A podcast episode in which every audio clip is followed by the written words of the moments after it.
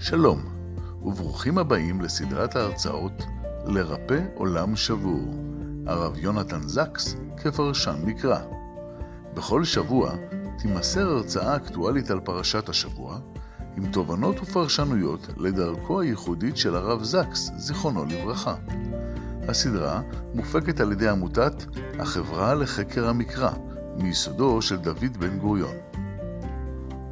והשבוע, הרצאה מספר 5, מבוא לספר דברים, חברת הברית, מאת הגברת שרה עברון. אנו מאחלים לכם האזנה נעימה.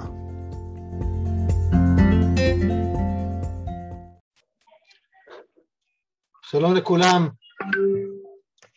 ערב טוב וברוכים הבאים שוב למפגש החמישי בסדרה שלנו מתורתו והגותו של הרב זקס. היו לנו מפגשים uh, מגוונים, שונים, עם רעיונות, מפגשים היום יש לנו משהו קצת שונה. אנחנו זוכים לארח את uh, גברת, לא דוקטור, גברת שרה עברון, uh, מזכ"לית הקיבוץ הדתי, שיש לה היכרות מעמיקה מאוד עם תורתו והגותו של הרב זקס. אנחנו נתחיל ישירות עם השיעור שלך, אנחנו לא יכולים לחכות פה לשמוע אותך, שרה. כן? אז תודה רבה על הנכונות ועל ההירתמות. אנחנו מתכבדים, ואנחנו מזמינים אותך uh, פשוט uh, להתחיל. אולי תתני לנו רק מעט רקע uh, על ההיכרות שלך עם תורתו של הרב זקס, כדי שנצעד איתך ביחד. אז תודה, תודה, תודה רבה לך. איפה מתחילים? שמי שרה עברון, מזכ"לית נכנסת של תנועת הקיבוץ הדתי, וכבר uh, הרבה מאוד שנים אני הולכת עם uh, משנתו ותורתו של הרב יונתן זקס. Um, אני נולדתי באנגליה, עליתי ארצה בגיל צעיר, ולא זכיתי להכיר את הרב זקס מקרוב, אבל כן זכיתי, ובמשך הרבה מאוד שנים קראתי לו הרב שלי, ולמדתי ולימדתי את תורתו. התחלתי לקבל את השיעורים שהוא, כשהוא התחיל לכתוב ולפרסם את Covenant Conversation לקבוצות מייל לפני די הרבה שנים, אני חושבת שהייתי מהראשונות בארץ, מנויה קבועה, ובאותם הימים הייתי מנהלת בית הספר על יסודי בקבוצת יבנה, ונהגתי פשוט להעביר את התכנים לעברית.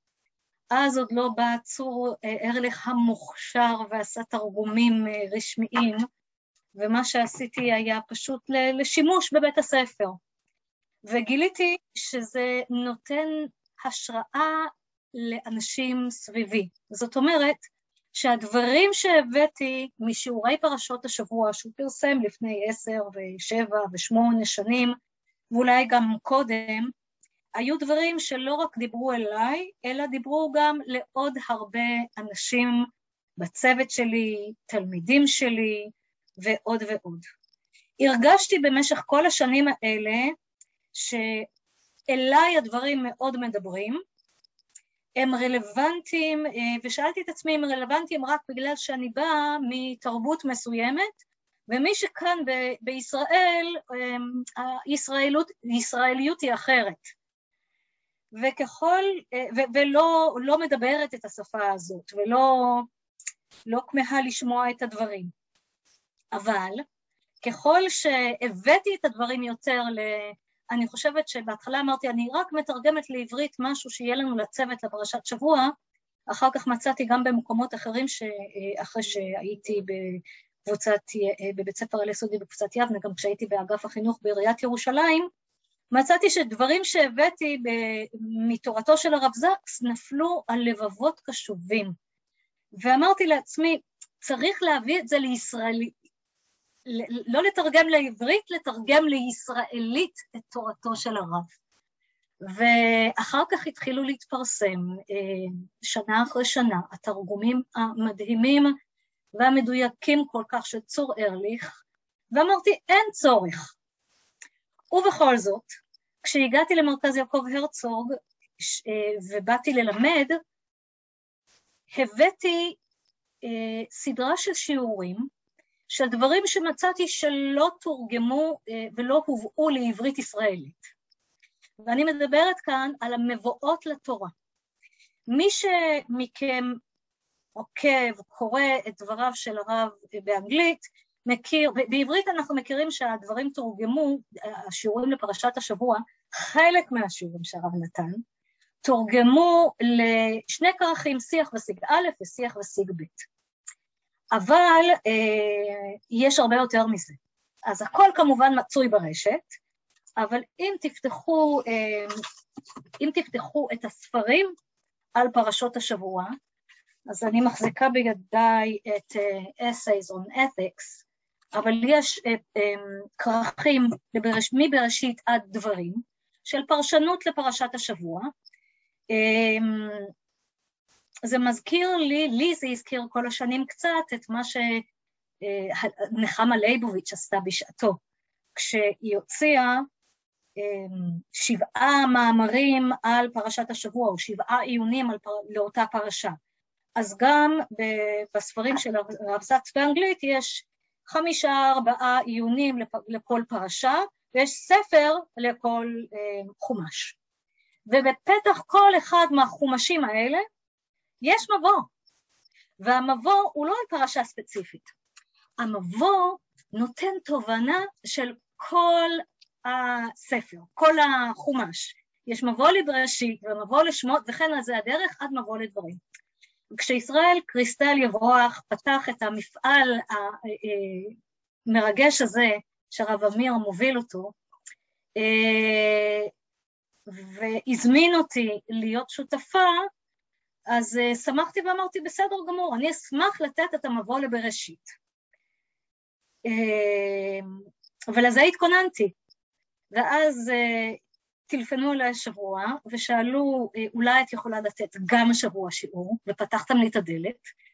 אז שינסתי מותניים וחזרתי למבוא של ספר דברים, ואני מודה שזה, הפורום הזה, אפשר לברך שהחיינו, מקבל את השיעור של אה, המבוא לספר דברים בפעם הראשונה.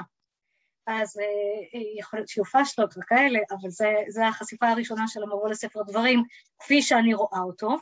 והמבוא לספר דברים הוא מרגש בעיניי. אה, אז הנה אנחנו יוצאים לדרך, אני משתפת מסך. אה, אם מישהו יכול להגיד לי אם אה, רואים את המסך במלואו? רואים במלואו, מצוין. גם הצגת את זה מאוד יפה, שרה. סתם כהערה צדדית.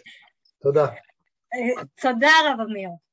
אז יש לנו כאן לא יותר מ-20 שקפים, ואני גם אגיד את עיקרי הדברים, וגם אגיד משהו על, ה, על האיך, לא רק על המה. אה, אז דברים, חידושה של ברית סיני. ובשקף הזה, אם אתם רואים, יש למי מכם שיש את הספר בבית, העתקתי את הכריכה שלו. כי הכריכות של הספרים בעברית, אה, יש עליהם יצירת אומנות. גם על הכריכות של הספרים באנגלית יש יצירות אומנות. והאמירה, אני חושבת שהאמירה הכי חזקה היא האמירה של משה ולוחות הברית, שתכף נראה אותה, אמ, שנמצאת, שהיא אה, משה שמשבר את הלוחות, ובאחד העיונים שלו, רב זקס, בספר שמות, כותב אה, ש, שרמברנט אה, הייתה לו איך הוא אומר, זרח עליו אור אלוהי, לרמברנט הייתה התגלות, הוא, הוא ראה בו איש ששרתה עליו רוח, לא פחות מאשר זה. אמ, זאת אומרת, הרב זקס ידע לראות באומות העולם ובחוכמתם, גם אם זה ציירים הולנדים מהמאה ה-17, את אמ, הדברים הרוחניים ולחבר את השפה של אה, האומנות הפלסטית אה, הוויזואלית, שיש כאלה שיגידו, אוי ואבוי, לא תעשה לחפש עלו מסכה, והנה אנחנו רואים, תסתכלו רגע אחורה, אנחנו נסתכל על זה שוב, תסתכלו איך משה יושב שם ומלמד את התורה לבני ישראל. זאת התמונה שעומדת בפתח אה, של ספר, בכריכה של ספר דברים. אז הנה חומשי התורה. חומשי התורה, בראשית הוא קרא לו ספר ההתחלות. לשמות ספר הגאולה. לויקרא, ספר הקדושה או הקדושות, לבמדבר הוא קרא שנות המדבר, ולדברים הוא קרא חידושה של ברית סיני. ועכשיו אני הולכת להתנצל, מורות לא אמורות להתנצל, אבל אני הולכת להתנצל ולהגיד לכם, תשמעו, אינני מתרגמת מקצועית. זה לא המקצוע שלי. אני מנכ"לית, אני מזכ"לית, מורה, מחנכת, מה שתרצו, אינני מתרגמת. אז כל מה שאני אומרת כאן הוא אה, עבודה של אמצ'ר, אה, של אה, אדם פשוט. אז אם אני, והרב כתב, כשאומרים צריך לקרוא יצירה במקורה, הרב כתב שירה, באמת. וחלק מהעובדה שאולי לא זכינו שהוא יחיה איתנו כאן בארץ ישראל, אני חושבת שהוא הרגיש שהשליחות שלו צריכה להיעשות בשפה האנגלית על, על בסיס התרבות המערב שאותה הוא חי. אז אני ממש מתנצלת על איכות הדברים שהעברתי אה, מהשירה והפואזיה שהוא כותב באנגלית לעברית. וכך הוא פותח את אה, המבוא לספר דברים. ספר הברית. בספר דברים מגיע לשיאו ומתבהרת משמעותו של המפעל המקראי כולו. זאת אומרת, אנחנו, כשאנחנו קוראים, כשאנחנו אומרים אה, אה, אה, סוף מעשה במחשבה תחילה, או סוף טוב הכל טוב, רק כשמגיעים לסוף ספר דברים, מבינים מהי התורה. שמות עומד לעצמו, בראשית עומד לעצמו, וכן ויקרא וכן במדבר, אבל רק כשאנחנו מסיימים לקרוא את ספר דברים, אנחנו מבינים מה זה, מהי התורה.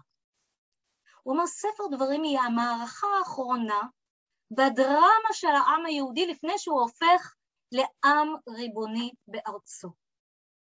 זה, כל התורה הייתה הכנה לרגע הזה, שעם ישראל הולך לחצות את הירדן. ורק כשאנ... ו... ו... וספר דברים מביא את ההכנה ל... לרגע הזה. אבל הוא לא רק זה, הוא גם ציר, כי הוא מצד אחד המערכה האחרונה לפני הכניסה להיות עם ריבוני בארצנו, ומצד שני הוא מעצב את ההקשר של כל מה שיקרה אחר כך.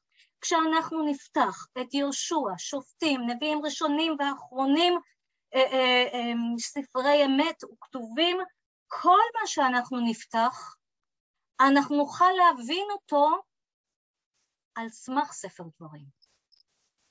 ואז הוא מוסיף כדרכו ואומר, זו ההצהרה העמוקה והמדהימה ביותר על מהי יהדות, והיא רלוונטית היום לא פחות משהייתה אז. ייתכן שאף יותר. ועם זה אנחנו נכנסים פנימה. ספר דברים עוסק בחברה הטובה. לכאורה, אם התורה מדברת על מה זה להיות אדם דתי, ירא שמיים, אדם של רוחניות, אז בעצם הספר שחותם את התורה ונותן לה את משמעותה צריך לעסוק באלוקי ובנשגב.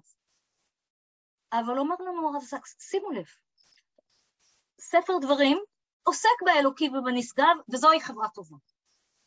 חברה טובה היא תנאי מקדים לרוחניות. ראשית, עלינו להסיר מתוכנו את האלימות וללמוד מידות טובות שיקדימו, שיקדימו את אה, ענייני המדינה החברתית. יש לי הרגשה, אתם תסלחו לי רגע, הרב אמיר, יש לי הרגשה שאני שמתי כאן על הלוח את לא המצגת הכי מלוטשת שלי. אז אני רגע, ברשותכם, אני יודעת שאני בשידור חי, אני יודעת שזה, אבל פשוט יש לי את הגרסה... הרב זקס לימד אותנו ש... אנחנו יודעים את זה, אבל ש... נפילות זה חלק מהבנייה, וחלק מההתקדמות, וחלק מהדברים הכי, הכי נפוצים. גם אצל מנהיגים דגולים, כגון אה, מזכ"לים וכדומה. אז אני ממש מתנצלת, אבל אני, אני תוך כדי, הרב אמיר, אני מרגישה שאתה שותף לי בערב הזה בהעמדת הדברים. אז הנה, זהו, זה יותר טוב. תודה רבה, הרב אמיר, ותודה על סבלנותם של הלומדים, סבלנותכם כולכם, אבל עדיף לי שאנחנו נהיה עם הדברים שעשיתי עליהם את התיקונים האחרונים עוד היום אחרי הצהריים. אז חברה טובה היא תנאי מקדים לרוחניות. ראשית, אנחנו מסירים את ה... אה, אנחנו מסירים אני עדיין לא במצגת הנכונה. אני, אני אעשה ניסיון אחד אחרון, ואם לא, אז אנחנו נהיה במצגת הלא נכונה. אני פשוט עשיתי תיקונים אחרונים, אה, ואני רוצה להיות בהם, ולא בתיקונים הלא נכונים. share.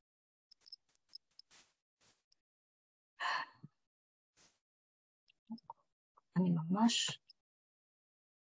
אה, אני אשתף אתכם שאני נמצאת בשבוע הראשון, עשרה ימים הראשונים של תפקידי כמזכ"לית, ואני רצה ממשימה למשימה, ו, אה, והדברים מאתגרים, וכשאמר לי, פנה אליי, אה, פנו אליי שאני אתן את השיעור הזה, אמרתי שאני לא אוותר על ההזדמנות, כי היא חשובה לי עד מאוד, לחלוק את תורתו של הרב, אז הנה ההזדמ... השאלה האחרונה. אוקיי, הנה, האם אתם רואים עכשיו את המצגת, הרב אמיר? רואים מצוין, כן. אז הנה, החלפתי. חברה... הנה, אוקיי. הנה, חברה טובה, רואים שזה יותר טוב, פשוט ככה. חברה טובה היא תנאי מקדים לרוחניות. ואז שואל הרב, למה דת צריכה להיות מעורבת בחברה? אנחנו מכירים את השאלות האלה של בואו נפריד דת ממדינה, כל הזמן אנחנו מדברים את זה במדינת ישראל, כשהדת הופכת להיות uh, לפעמים גורם מפריד בחברה הישראלית במקום שתהיה מחבר. הוא אומר הרב uh, זקס, תשמעו, הרמב"ם מלמד שהמטרה של היהדות היא חתרה לשלמות הגוף והנפש, והנשמה גבוהה יותר בערכה מהגוף, זה נכון, אבל היא יושבת בתוך גוף גשמי, ובזה היא מכוונת לשלמות החברתית. ואני מביאה כאן את הקטע מהרמב"ם שהוא מצטט ממורה נבוכים דווקא, חלק ג', אה, פרק כ"ז. ואומרו לחיותנו כהיום הזה, זאת העמידה הגשמית הראשונה, הנמשכת קצת זמן אשר לא תושלם מסודרת, אלא בקיבוץ המדיני, כמו שביארנו שזה השלמות האחרון הנכבד, זאת אומרת להגיע לרמה הגבוהה, אי אפשר להגיע אליו אלא אחר הגיע השלמות הראשון. זאת אומרת, אם אין את הבסיס הפיזי, את הקיום הפיזי של אדם ושל עם, אז גם לא יהיה השלמות במעלתה. כי האדם, אי אפשר לו שייצר מושכל, זה לשון ימי הביניים, כן?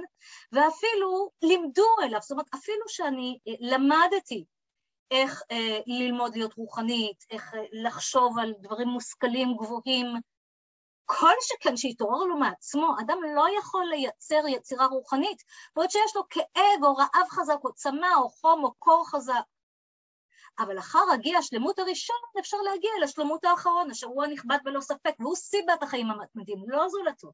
זאת אומרת, הרב זקס מביא לנו כאן את הרמב"ם, שאומר, אמ, כמו מה שאמר מסלו דורות אחר כך, אין בלי בסיס, והבסיס הוא החברה הנכונה והטובה, ורק על בסיסה העם יכול להיות עם רוחני. והוא אומר ככה, תסתכלו, אם אנחנו מסתכלים על החומש, על ספר דברים מהזווית של כל החומש, ואנחנו הולכים למה שהוא קורא הסיפור הנוקב על נוח. מה הסיפור הנוקב על נוח בספר בראשית אומר? שחיים של אמונה דורשים חברה שמתמסרת לטוב בשלמותו. הוא אומר לנו, נוח, תשימו לב, הוא הבן אדם היחיד שהמקרא קורא לו צדיק. אבל את מי נוח הציל? את המשפחה שלו, לא את הדור. הוא שמר על רמתו המוסרית בעצמו, אך נכשל בהשראת אחרים, וצדיקות אישית אינה מספקת.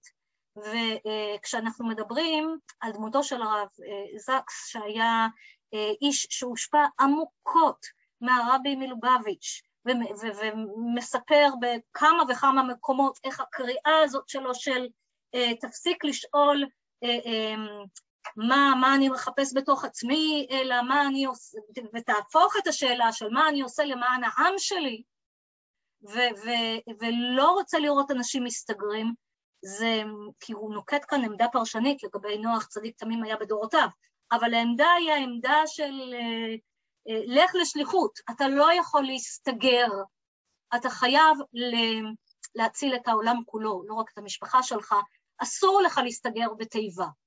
והוא אומר גם, כשהקדוש ברוך הוא רצה לעשות מאברהם ושרה והצאצאים שלהם משפחה או שבט יחידה חברתית שתהיה משמעותית, שתשפיע על העולם למען יצווה את בניו וכולי, אז הוא חייב להוציא אותם למקום אחר.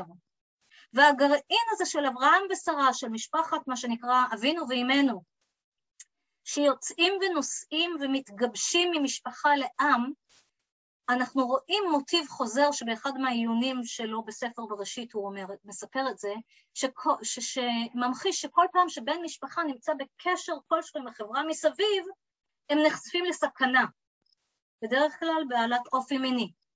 והשיא הוא בראשית ל"ד דינה, והוא אומר, אף אחד לא יוצא טוב מסיפור דינה, שנאנסת על ידי שכם, והוא אומר, המהות של הסיפור הזה הוא ללמד לטווח ארוך. דבקות אישית לא עומדת במבחן האחריות המוסרית של חברה ככלל. זה לא מספיק שאת או אתה דואג להיות אה, אה, צדיק וישר ודבק והולך בדרכך אה, לבד. ואז הוא אומר, מה ספר דברים עושה? ספר דברים הוא תוכנית ליצירת, כאילו הקדוש ברוך הוא כתוב, תוכנית, תוכנית עבודה, כמו שכל המנהלים אוהבים לדבר, תוכנית ליצירת חברה מוסרית, בה הצדיקות, אנחנו רוצים עולם של צדיקים, והוא הופך את זה לאחריות כוללת, קולקטיבית. החברה הטובה נועדה להיות, ושימו לב כאן את החשיבה הביקורתית ההיסטורית שלא כל, אמ, לא כל אה, אה, רב או הוגה דעות אה, מוכן לשים את, הדבר, את הניסוחים האלה, אבל הוא אומר, התורה נועדה במגבליות, ניתנה במגבלות העם, כפי, העולם כפי שהוא היה לפני 33 מאות, מכיל אף אם לא שוויוני. זאת אומרת, התורה ניתנה, ומי שמכיר כתבים אחרים של הרב, הוא אומר, כן, היא לא שוויונית בהכרח במה שקורה לנשים, והיא בוודאי מתארת מציאות של עבדות, אבל היא נועדה ליצור את החברה הכי מכילה שיש לפני 33 מאות. מי שעושה את התיקון אחר כך, אומר הרב זקס, זו התורה שבעל פה. שוב ושוב חוזרת האמירה שהשמחה החברתית, ונראה את זה בסוף השיעור, חייבת לחבק את האלמנה, יתום, הגר, הלוי. לוי צריך לזכור הוא אדם שאין לו אדמה, וכשרוב העם יושב על אדמתו ומתפרנס מחקלאות זה אתגר, אתגר. האנשים האלה חסרי מעמד עצמאי ונכסים, והם צריכים להיות חלק מהעם אחד תחת האל. אתה לא תעשה חג סוכות, שבועות או פסח בלי שהאלמנה, היתום, הגר והלוי איתך בשולחן החג. זה לא יעלה על הדעת. איך עושים את התוכנית עבודה הזאת?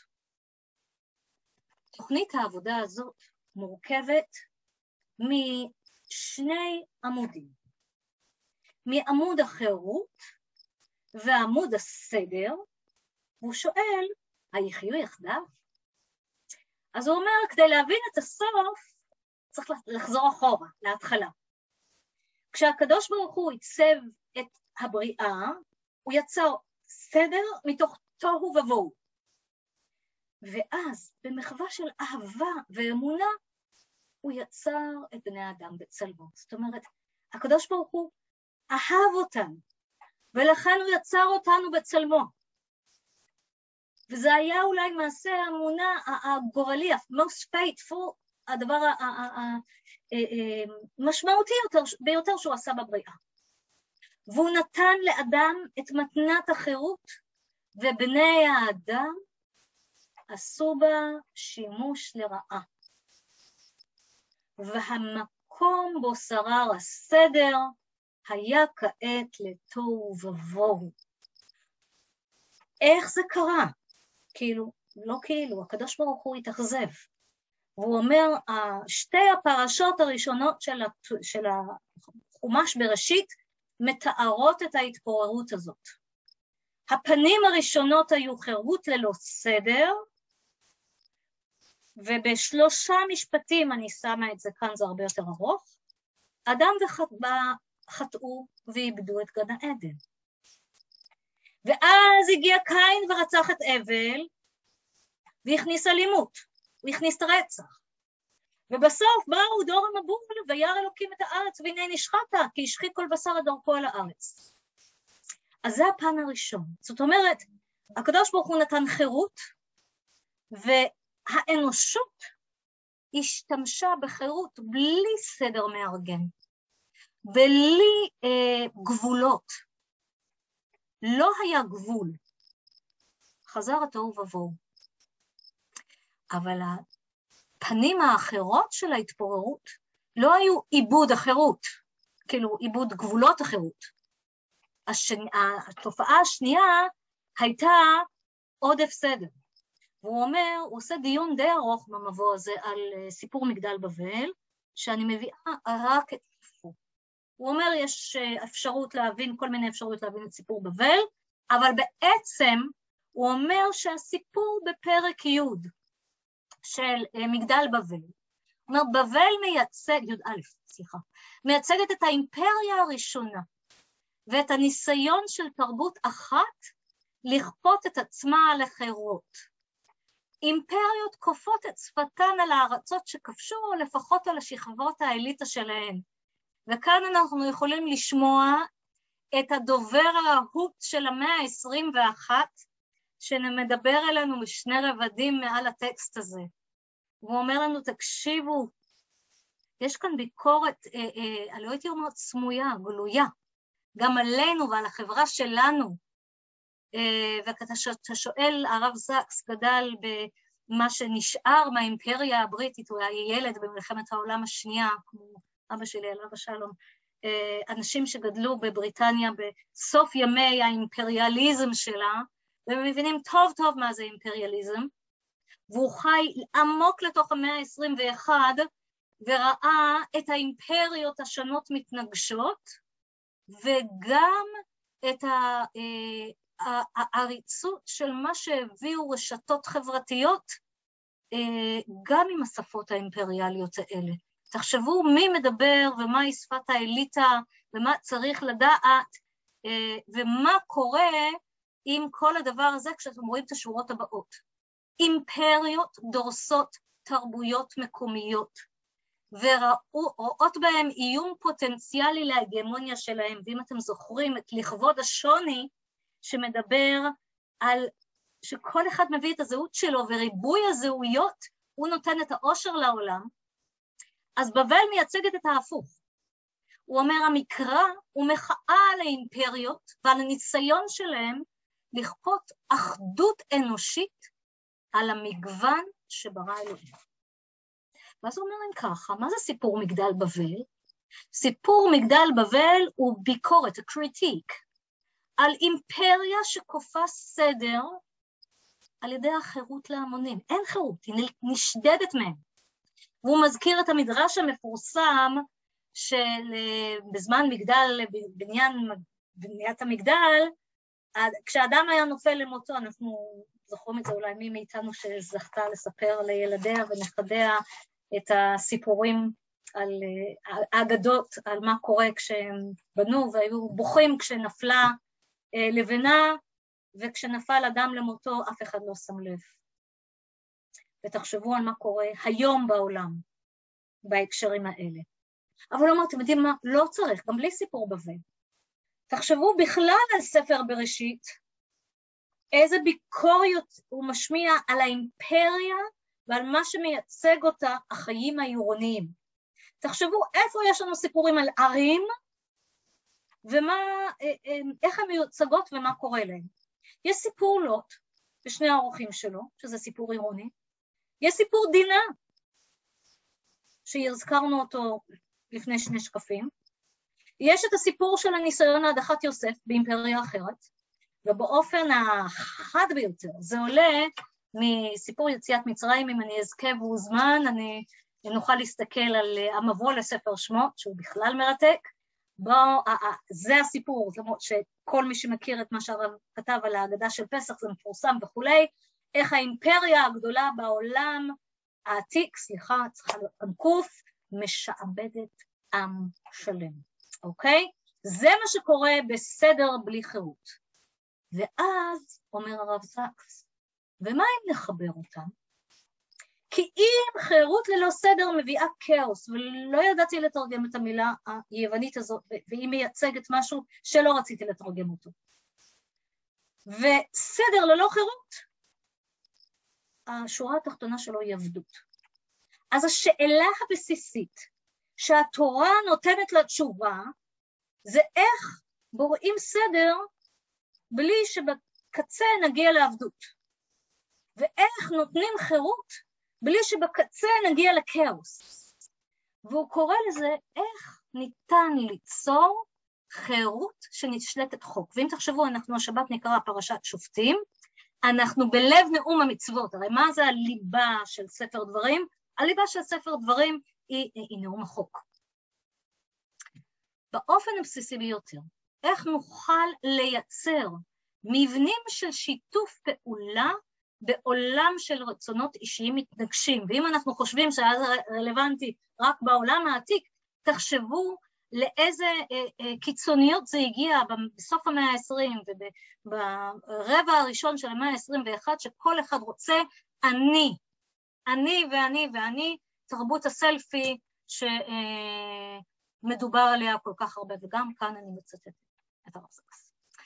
ואז, וגם היום, הוא אומר, יש שלוש דרכים שבהן ניתן לגרום לאנשים לעשות מה שאנחנו רוצים. אנחנו יכולים לשלם להם, קוראים לזה כלכלת שוק. אנחנו יכולים להכריח אותם, ואז אנחנו מפעילים כוח מדיני. תראו היום מה קורה כשאנחנו רבים בחברה הישראלית, בחבר העולם כולו שואלים, טוב, אז אם יהיה חוק שיגיד שמי שלא מתחסן, אז נעשה לו בכוח כך וכך, אוקיי? זה כוח מדיני. בשתי הדרכים האלה, היחידים נשארים עדיין בפוזיציה של מרדף או המרוץ אחרי הרצון והתשוקה האישית שלהם. זאת אומרת, אתה בתיאוריית כלכלת השוק אתה מתעל את היחידים שיעשו את זה דרך כסף, וכדי לקבל את הכסף אז הם יעשו את זה בדרכים שהחלטת שהן אה, מועילות ולא מזיקות, ובעולם של הכוח המדיני אתה עושה את זה על ידי זה שאתה קובע סדרה של חוקים. אבל הוא אומר, לא זאת ולא זאת הם הדרכים שבהם צריך ללכת. והדרך שבה הוא מציע ללכת, הוא אומר, לא מציע, כלומר התורה מציעה לנו, הוא אומר, תשמעו, השפה שספר דברים מסכם בה את התורה הוא עולם הברית. לגרום ליחידים לחבור יחד, להישבע בקשר של נאמנות ואחריות קולקטיבית. להוציא אותם מהמקום שכל אחד נמצא בפינה שלו, שלא נהיה עוד, וזה משפט כשאני אה, חוזרת על בהמון המון מקומות, כן, שהוא נר על הרגליים מבחינה ערכית, אה, גם בתנועת הקיבוץ הדתי וגם בעוד שותפים ש, שאנחנו מחפשים בכל מיני מקומות, כי אני חושבת שהוא אמת שנכונה לחברה הישראלית, לעם היהודי, לחברה האנושית, לא עולם של יחידים שנמצאים במרוץ אחרי צרכים אישיים. יש עולם של קולקטיב, שאנחנו, לא אני, מסכימים לוותר. אני מוכנה למזג את הזהות שלי, לוותר על חלק מ... אה, וזה קשה נורא, על הזהות הפרטית שמייחדת ואומרת אני שרה, או אני חלק מקיבוץ צד, או אני חלק מתנועת הקיבוץ הדתי, או אני חלק מציונות דתית. לא, לא, לא, רגע. אנחנו נהיה חלק מהעם היהודי, אנחנו נהיה חלק מהאנושות, אנחנו נהיה חלק ממשהו אה, רחב יותר, לא משנה באיזה מעגלים. משהו גדול יותר מעצמנו, שמגדיר אותנו וחייב אותנו לקחת על עצמנו מערכת הסכמות. וההסכמות האלה גורמות לנו לבחור מרצון להיקשר.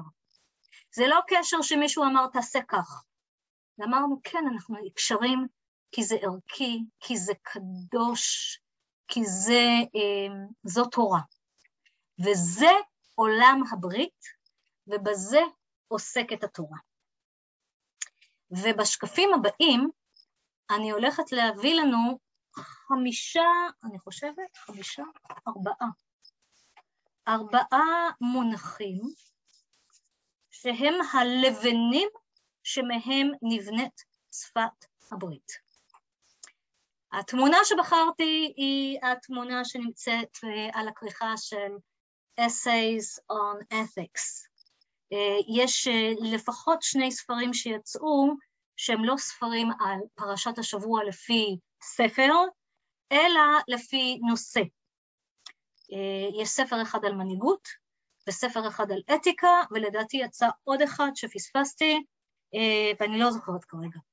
אבל את ה... ואם תרצו פעם, גם בספר על אתיקה יש מבוא לאתיקה והוא נפלא.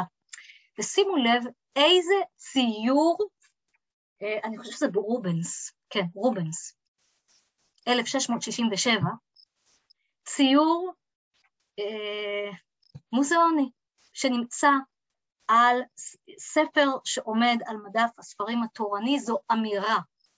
פגישת אברהם ומלכי צדק היא פגישה של ברית, ואפשר לראות את הלחם ואת המלח של המפגש הזה בין שני השונים שכורתים ברית. עכשיו, למה אנחנו זה? אנחנו נידרש לזה כי שפת הברית תורכב, השקפים הבאים יציגו לנו, אני עוקבת אחרי השעון ורואה, יציגו לנו את ארבע המילים או המושגים, ואחר כך בקצרה את המבנה. וזה הכל יושב על מבנה הברית בעולם העתיק בין עמים.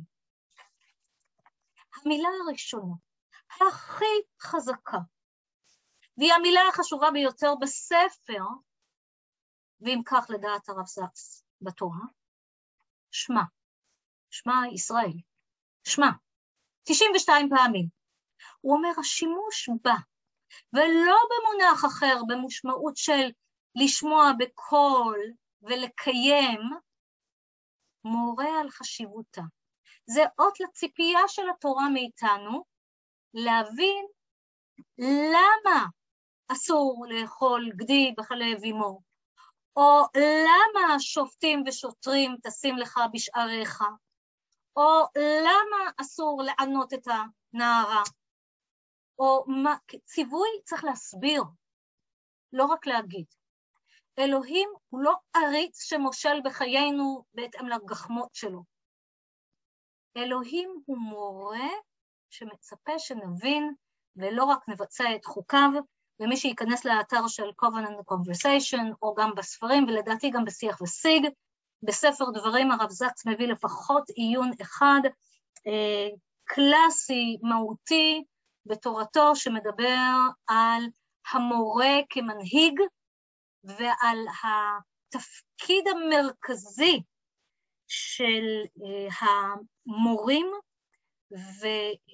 ובעיצוב העם היהודי, בשמירה על התורה ובשמירה על העם.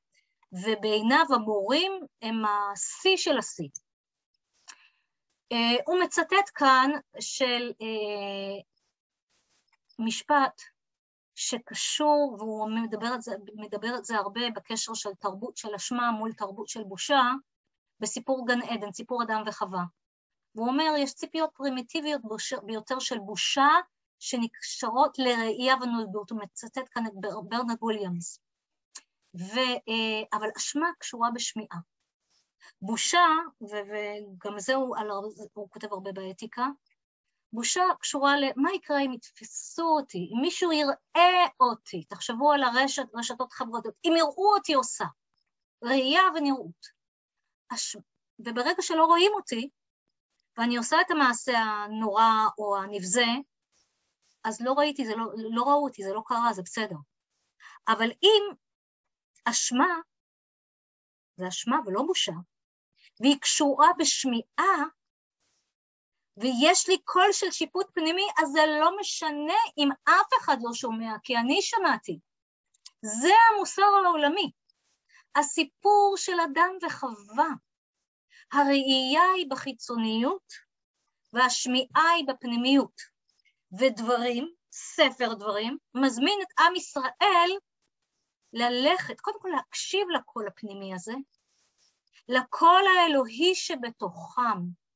לא להסתכל ולראות, אוקיי? ייכנסו לארץ ישראל והפיתוי הגדול של וזנו אחרי עיניהם. לא, לא, לא, לא, תקשיבו. הקדוש ברוך הוא דיבר אלינו, נתן לנו תורה, תקשיבו לה. הביטוי השני הוא אהבה. אהבה מופיעה 15 פעמים בבראשית, והיא תמיד בהקשר של אהבה בין אנשים. אוקיי? את מי יצחק אוהב, את מי רבקה אוהבת. זה מופיע פעמיים בשמות, המילה אהבה. בספר ויקרא היא מופיעה פעמיים, ולא במקרה היא מופיעה בפרק המפתח של הספר, שהוא הפרק המפורסם שמלמד את קוד הקדושה, והבאתי, אתם רואים, ואהבת, אהבת הגר ואהבת הרעה, ובמדבר, בסיפור של המדבר האהבה לא קיימת. לך אחריי במדבר זה ירמיהו. אבל בדברים היא מופיעה לא פחות מ-23 פעמים, והיא מופיעה בעיקר, לא רק, אבל בעיקר בזה שהקדוש ברוך הוא אוהב את עמו ועמו אוהב אותו. הכי מפורסם, ואהבת את השם אלוקיך בכל לבבך ובכל נפשך ובכל מאודיך. אבל תראו את שני הציטוטים הבאים. לא מרובכם מכל העמים חשק השם בכם ויבחר בכם, כי אתם המעט, כי מאהבת אדוני אתכם ושומרו את השבועה אשר נשבע לאבותיכם, הוציא אדוני אתכם ביד חזקה, ויבטחה מבית עבדים מיד פרעה מלך מצרים. או תסתכלו על אה, הצד השמאל של השקף הזה. הן לאדוני אלוהיך שמיים ושמי השמיים הארץ וכל אשר בא, רק באבותיך חשק אדוני לאהבה אותם ויבחר בזרעם אחריהם בהם מכל העמים כהיום הזה. תראו איזה חשק שיש באהבה הזאת, והאהבה הזאת היא מחברת. הוא אומר, אין שום דבר דל או יבש בחיים הדתיים שמצייר ספר דברים. הרי אחת ההאשמות שהטיחה הנצרות ביהדות זה, אה, וצריך לזכור שהרב סקס אה, אה, חי ופעל ולמד בתוך סביבה שמהותה הדתית לפחות, לפני שהייתה חילונית, הייתה נוצרית. וההאשמה הכבדה שהודחה ביהדות על ידי הנצרות הייתה אתם עם החוקים היבשים שלכם, אנחנו עם אהבת האל. לא, לא, לא, לא הבנתם. אין שום דבר דל או יבש בחיים הדתיים שמצייר ספר דברים. יש כאן מארג של אהבה, נאמנות, חירות, אני עם העין על השעון. שמחה. שמחה מופיעה השורש פעם אחת בספר בראשית, שמות ויקרא במדבר בכל אחד מהחומשים, ו-12 פעמים בדברים. תמצית החיים בארץ המובטחת, חברים, זה לא שקשה לנו, זה לא שיש מלחמות, זה לא שיש, צריך לייבש את השמה. תבינו, שנבין, מסתכל, אומר, מנכיח לנו כאן חזק מאוד הרב, תקשיבו, להיות בארץ ישראל, בארץ המובטחת, זה שמחה, זו הודיה. שימו לב שהקללות בדברים שונות מאלה של הקללות ויקרא, כי הן מנומקות לא בזה שהן נופלות עלינו כי עבדנו אלילים או בגדנו בקדוש ברוך הוא, אלא הוא הולך לקללה של דברים, וכתבו, ושימו לב איך היא מנומקת, תחת אשר לא עבדת את השם אלוקיך בשמחה, וטוב לבב מרוב כל, אז כך וכך. והוא מצטט את הסוציולוג הצרפתי שהמציא את הסוציולוגיה החברתית, אה, שנולד כיהודי אבל היה אתאיסט גמור, אבל כל התיאוריות שלו הושפעו מאוד מכך שהוא היה יהודי, וגם כשהוא כתב תיאוריות חברתיות שהתווכחו עם קיומו של האל והביאו כל מיני הסברים, השפה שלו, גם אומר את זה הרב זקס שמצטט אותו לא מעט, השפה של איך הוא מתאר שחברות פועלות היא שפה מאוד יהודית, והוא אומר, יש משהו שנקרא התלהבות דתית משותפת. ההתלהבות המשותפת הזאת, בלעדיה לא נבנית, לא נבנים חיים דתיים. כי חיים דתיים זה לא, ביהדות זה לא חיים של אדם בודד, זה חיים של קבוצה. הדת מחזיקה את הלכידות החברתית והמוסרית, יש לרב זקס המון מה להגיד על קהילה ועדה וכו', אבל, ואת זה עושים בשמחה, אוקיי? אז יש לנו שלושה מונחים, ועכשיו שתי אמירות אחרונות. אחת, הסיפור של לזכור ולא לשכוח. ספר דברים חוזר ומצווה. לא לשכוח, תמיד לזכור. הוא מצטט את קריסטין היין, שיש לה ספר על מה החגות קדוש בחוק הקדוש, והיא עסוקה מאוד בשאלה, עם, אה, כאילו בניתוח השאלה של הוגים שונים, אם מקור החוק ביהדות הוא הרצון האלוקי או החוכמה האלוקית, זה כאילו רצון או חוכמה. והרב זקס אומר לא זה ולא זה. ספר דברים מביא סיפור אחר לגמרי. ספר דברים אומר שהמקור של החוק הוא בחוויה ההיסטורית הבסיסית המשותפת בתחילת הדרך, עם משהו שצריך להכניס לתוך הזיכרון ולשמר כחלק מהזהות. אנחנו יודעים מה זה להיות נרדף, כי עבד היית בארץ מצרים, ולכן לא נרדוף אחרים. והסיפור הזה שאנחנו מצווים לזכור הוא בסיס לברית.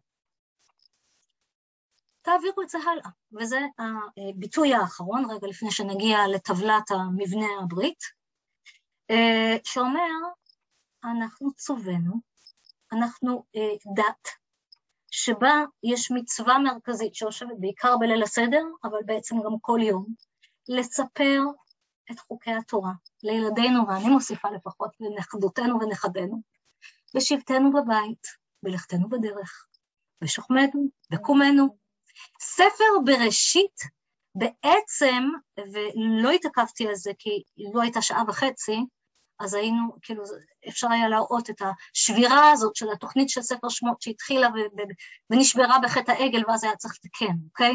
אבל תוכנית הספר שמות, ואת ההכרזה שנאמרה בבחירה של אברהם. בבחירה של אברהם נאמר כי דעתי למען אשר יצווה את בניו ואת ביתו אחריו, ושמעו דרך השם לעשות צדקה ומשפט. וזו החובה שלנו. תעבירו את זה הלאה לדור הבא. אלה הדברים. אנחנו כבר כמעט בסוף שיעור, עוד שלושה שקפים, והם הולכים ככה. הוא אומר, כל ספר דברים יושב על המבנה של ברית וסאלית של המזרח הקדום. וכל מי שלמד אי פעם שנה א' בתנ"ך, במקרא, או מה שזה לא יהיה, או מזרח, חוקים של מזרח קדום, מכיר את הדברים, אבל איכשהו הרב זקס מנסח אותם ונותן להם משמעות שהיא לא אה, חקר המקרא, אלא היא הרוח. הוא אומר, תשימו לב, תמיד יש הקדמה שמבססת, אה, אה, הבריתות האלה בדרך כלל היו בין וסל חלש והשליט שלו. אז יש הקדמה שמבססת מי האדם שיוזם את הברית, הכוח הגדול. ואז יש מבוא היסטורי שמספר את ההיסטוריה של הקשר בין הצדדים, ואז מגיעות הוראות הברית עצמה, שנאמרות בשתי צורות, עקרונות כלליים והוראות מפורטות, ואחר כך יש הוראה להפקדת הברית במקום קדוש, וקריאתו על בסיס קבוע, אחר כך יש סנקציות שקשורות לברית, ברכות שיבואו על קיומה וקללות אנשים על הפרתה, ואז יש עדים. בדרך כלל זה האלים של האומות. עכשיו שימו לב, הרב זקס לא אומר כאן דברים חדשים, אבל הוא אומר אותם באופן שלו. והוא אומר, תסתכלו על ספר דברים. אנחנו יכולים לראות בדיוק את זה, את המבוא ההיסטורי שבו משה מספר את ההיסטוריה שהביאה את העם עד הלום, ומשה הוא זה שמדבר בשם השם, אוקיי? אז הוא, הראש, הוא, הוא, הוא היוזם, אחר כך הוא מספר את המבוא ההיסטורי. יש הוראות הברית שניתנות בה' עד אה, י"א ואחר כך בי"ב ואילך. שימו לב, ההוראות הכלליות זה הפרשות שנמצאנו בהן עד אה, ראה בערך, והפרשות הבאות, אה, לא, בראה כבר עברנו לחלק הבא, כאילו זה דברים ואתחנן, ואחר כך אנחנו כבר עוברים הלאה לראה ולפרשות המרכזיות של ראה, שופטים, כי תצא, הוראות מפורטות, פרטי החוק. אחר כך יש את ההפקדה והקריאה. התורה תיכתב על אבן, סטלה, בהרי ועל. התורה שכתב משה תופקד בארון. תיקרא בפומבי על ידי המלך באספה הלאומית אחת לשבע שנים. סנקציות, ברכות וקללות. ועדים, האזינו השמיים ואדברה, ותשמע הארץ אמרי פי, או השירה הזאת שאומר משה על, על התורה בסוף ספר דברים. אז הנה אנחנו מגיעים, קיבלנו מבט כללי על הספר ועל התמות העיקריות שלו, על השפה של בניית הברית החברתית שהיא הבסיס לרוחניות, והבאתי לנו שוב פעם כאן את התמונה שיש על עטיפת הספר, משה שיושב והעם שמקשיב, והבאתי רק תמצית מתוך השלושה העמודים האחרונים של המבוא. דברים, מחבר תיאולוגיה, רוחניות, מוסר וחוק. הדגש בספר דברים הוא על החברה, לא פרט ויחסיו עם האל, זה לא הנזיר. הנימוק לשבת זה בחשיבות החירות, ולא בבריאת העולם. המוקד של תיאור החגים הוא אכילת כל העם בשמחה, גם הגר, היתום, האלמנה והלוי. יש כאן תיאוריה עוצמתית ועמוקה, פוליטית ורבת השראה. הספר הזה מלמד אותנו על חברה שמתמקדת באחריות של הפרט, לא לעצמו, אלא לכלל, שזה הנתיב שדרכו היא מגיעה לקדושה. הוא מלמד על חשיבות שימור הזיכרון, כי מה עושה משה כל הספר? הוא מספר את הכל עוד פעם, והוא נותן משמעות ונותן נאום, כמה נאומים, והוא מכריח כל הזמן את הזיכרון ההיסטורי, והוא אומר, מי שרוצה לבנות עתיד, חייב לשבת בתוך הזיכרון ההיסטורי באופן פעיל. הוא אומר, הרגש הדתי חובר לחקיקה החברתית, והיווה תזכורת תמיתית לאמיתות שאסור לשכוח. הוא מורה דרך לאזרחות שממוקדת בטובת הכלל, ושומרת על החירות שהיא מתנת האל.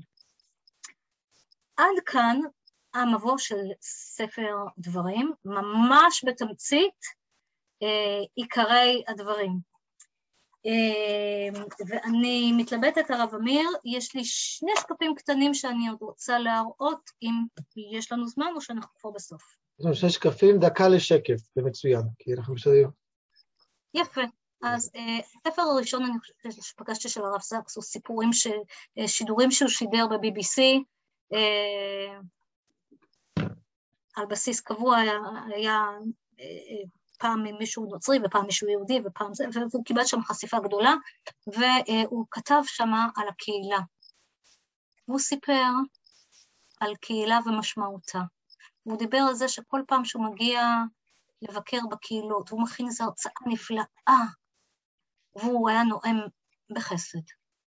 והוא אומר, תמיד מה שהוריד אותו לקרקע זה התגובות. מה שאלו אנשים שאלו אותו, לא איזו שאלה של, אלא אתה מכיר אותי? אתה יודע מי אני? הוא, אמר, הוא אומר, מה זה? אנחנו עם כל כך קטן, זו שאלה יהודית טיפוסית.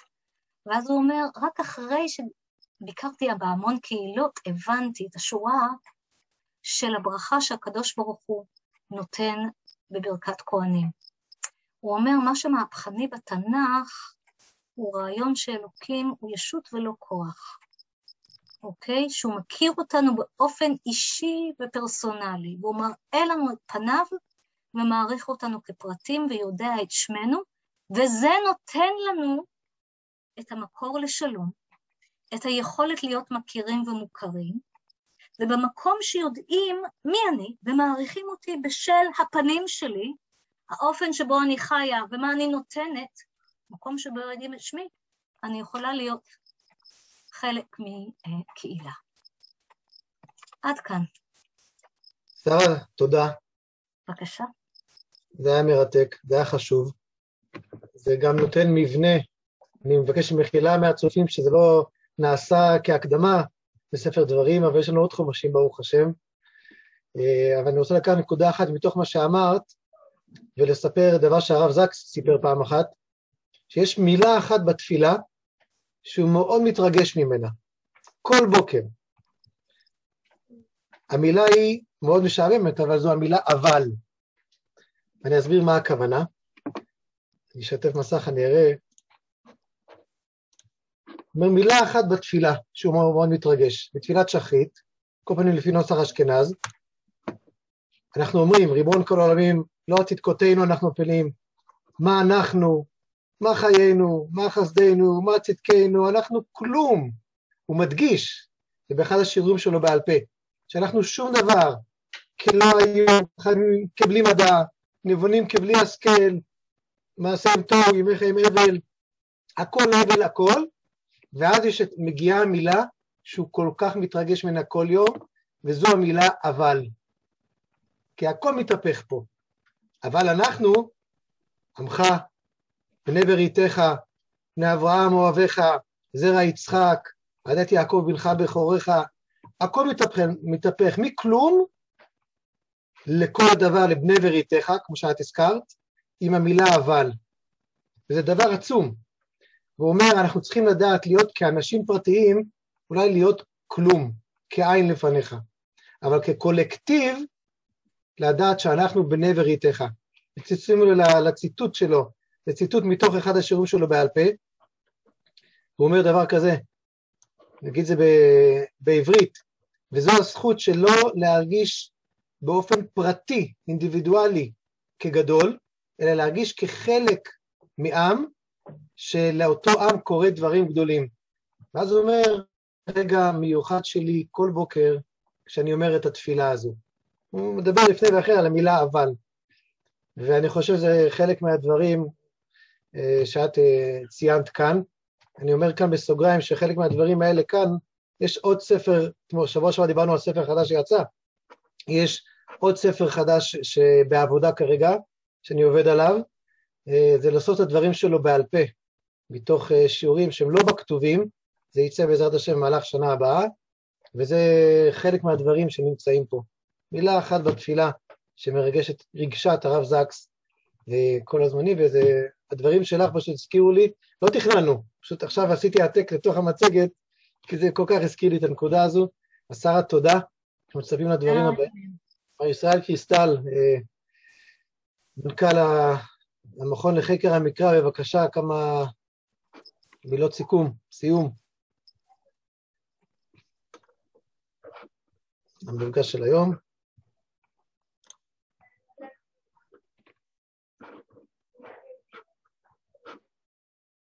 רק אה, תדליק את המיקרופון. יופי. כן, סליחה, ערב טוב. האמת היא שהקיבוץ הדתי הרוויח, אבל עולם החינוך בוודאי לא, אם אני מדבר בלשון המעטה. פשוט ערב מרתק, שפה עשירה, המיקוד לתוך דבריו של הרב זקס, שאנחנו פה בבית לומדים אותו מדי שבת, הוא כל כך קרוב, הוא כל כך אמיתי, הוא כל כך נכון, פשוט ממלא אותנו כל שבת מחדש. אני רוצה לומר לך תודה רבה, אני יודע שלחצתי אותך, אבל זה חלק מהתפקיד שלי, אבל עשית את זה בהצלחה רבה מאוד, והשארת לנו טעם של עוד והרבה עוד, ובעזרת השם, כפי שאת מכירה את התוכנית, יש, לנו, יש לך מקום מכובד בהמשך. אני רוצה להזכיר בבקשה רק שני דברים. א', השיעורים יעלו בפייסבוק, השיעורים יעלו גם ביוטיוב, ובעזרת השם בקרוב אני מקווה לפתור את הבעיה בתוך האתר שלנו www.המקרא.org. יש גם בתוך האתר שלנו יש גם מקום לתרומות. רבותיי, אנחנו לא מקבלים, לא מהמדינה, לא מהעיריות, לא משום גוף פרטי וציבורי כסף, הכל מכספים פרטיים שלנו, ונשמח מאוד לעזרה שלכם ולתרומות שלכם. המערכת שלנו היא מלכ"ר עם ניהול נכון, עם החזר מס 46, ונשמח לכל שקל שייכנס לתוך המערכת הזאת. שוב פעם, יש לנו תוכניות נוספות לתוך המערכת הזאת, לתוך העולם המופלא הזה ששמו הרב זקס כפרשן מקרא. אני מקווה לשתף אתכם בהמשך. ברגע שנצליח להעלות את הדברים, בעזרתו של הרב אמיר דדון ובעזרתו של האיש שמאחורי הקלעים, הרב זלמי, שהוא בעצם זה שדואג לכל הארגון וכל המערכת פה מסביב. תודה רבה לכם, תודה רבה לכל העוסקים במלאכה, וערב טוב.